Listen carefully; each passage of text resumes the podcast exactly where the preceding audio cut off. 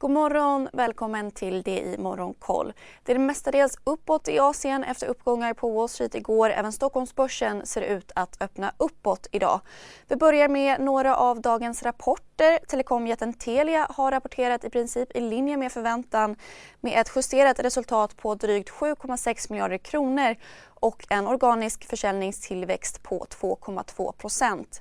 Verkstadsjätten Alfa Laval rapporterar ett något bättre resultat och högre orderingång än väntat. Även marginalen på 16,5 procent var högre än väntat. Bolaget spår dock en något lägre efterfrågan under det tredje kvartalet.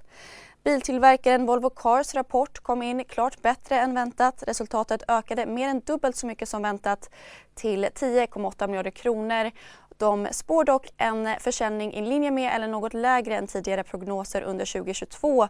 De spår även ökade energikostnader.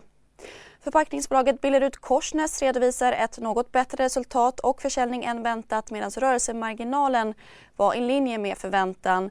Bolagets vd uppger att de ser en ökning av vedkostnader till följd av kriget i Europa medan andra råvarupriser stabiliseras. Vi har även fått ny boprisstatistik från Valueguard som visar att bopriserna fortsätter ner. Priserna på landets bostadsrätter sjönk 3,9% i månadstakt och villor 3,8% Säsongsrensat sjönk priserna 2,7 respektive 2,1% Vi är specialister på det vi gör, precis som du. Därför försäkrar vi på Swedea bara småföretag, som ditt. För oss är små företag alltid större än stora och vår företagsförsäkring anpassar sig helt efter firmans förutsättningar. Gå in på swedea.se företag och jämför själv.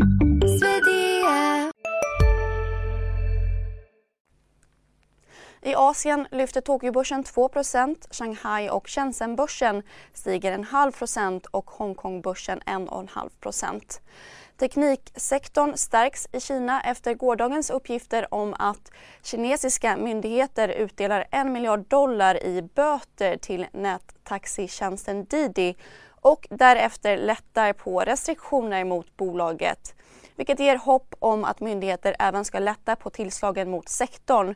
Alibaba stärks drygt 4% och Tencent 2% Vidare till USA där börserna stängde på plus. Ledande index steg mellan omkring 2,5 och 3% IT-konglomeratet IBM däremot gick mot strömmen och backade efter att ha skruvat ner prognoser för det fria kassaflödet. Aktien backade drygt 5 Bättre gick det för streamingjätten Netflix som rapporterade ett tapp på en miljon prenumeranter vilket var klart bättre än prognosen på två miljoner. Bolaget spår även att de kommer att ta igen prenumeranttappet i det kommande kvartalet. Aktien steg 5,5% och ytterligare närmare 8% i efterhanden. Under dagen får vi ytterligare rapporter från kullagerjätten SKF och gruvbolaget Epiroc. Mer om rapporterna och intervjuer med bolagen ser ni i Rapportmorgon som sätter igång om en liten stund. Och mer nyheter hittar ni som vanligt på sajt.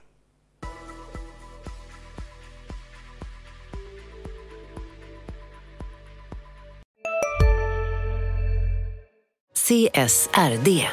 Ännu en förkortning som väcker känslor hos företagare. Men lugn, våra rådgivare här på PWC har koll på det som din verksamhet berörs av. Från hållbarhetslösningar och nya regelverk till affärsutveckling och ansvarsfulla AI-strategier. Välkommen till PWC. Hej, Synoptik här. Så här års är det extra viktigt att du skyddar dina ögon mot solens skadliga strålar. Därför får du just nu 50% på ett par solglasögon i din styrka när du köper glasögon hos oss på Synoptik. Boka tid och läs mer på synoptik.se. Välkommen!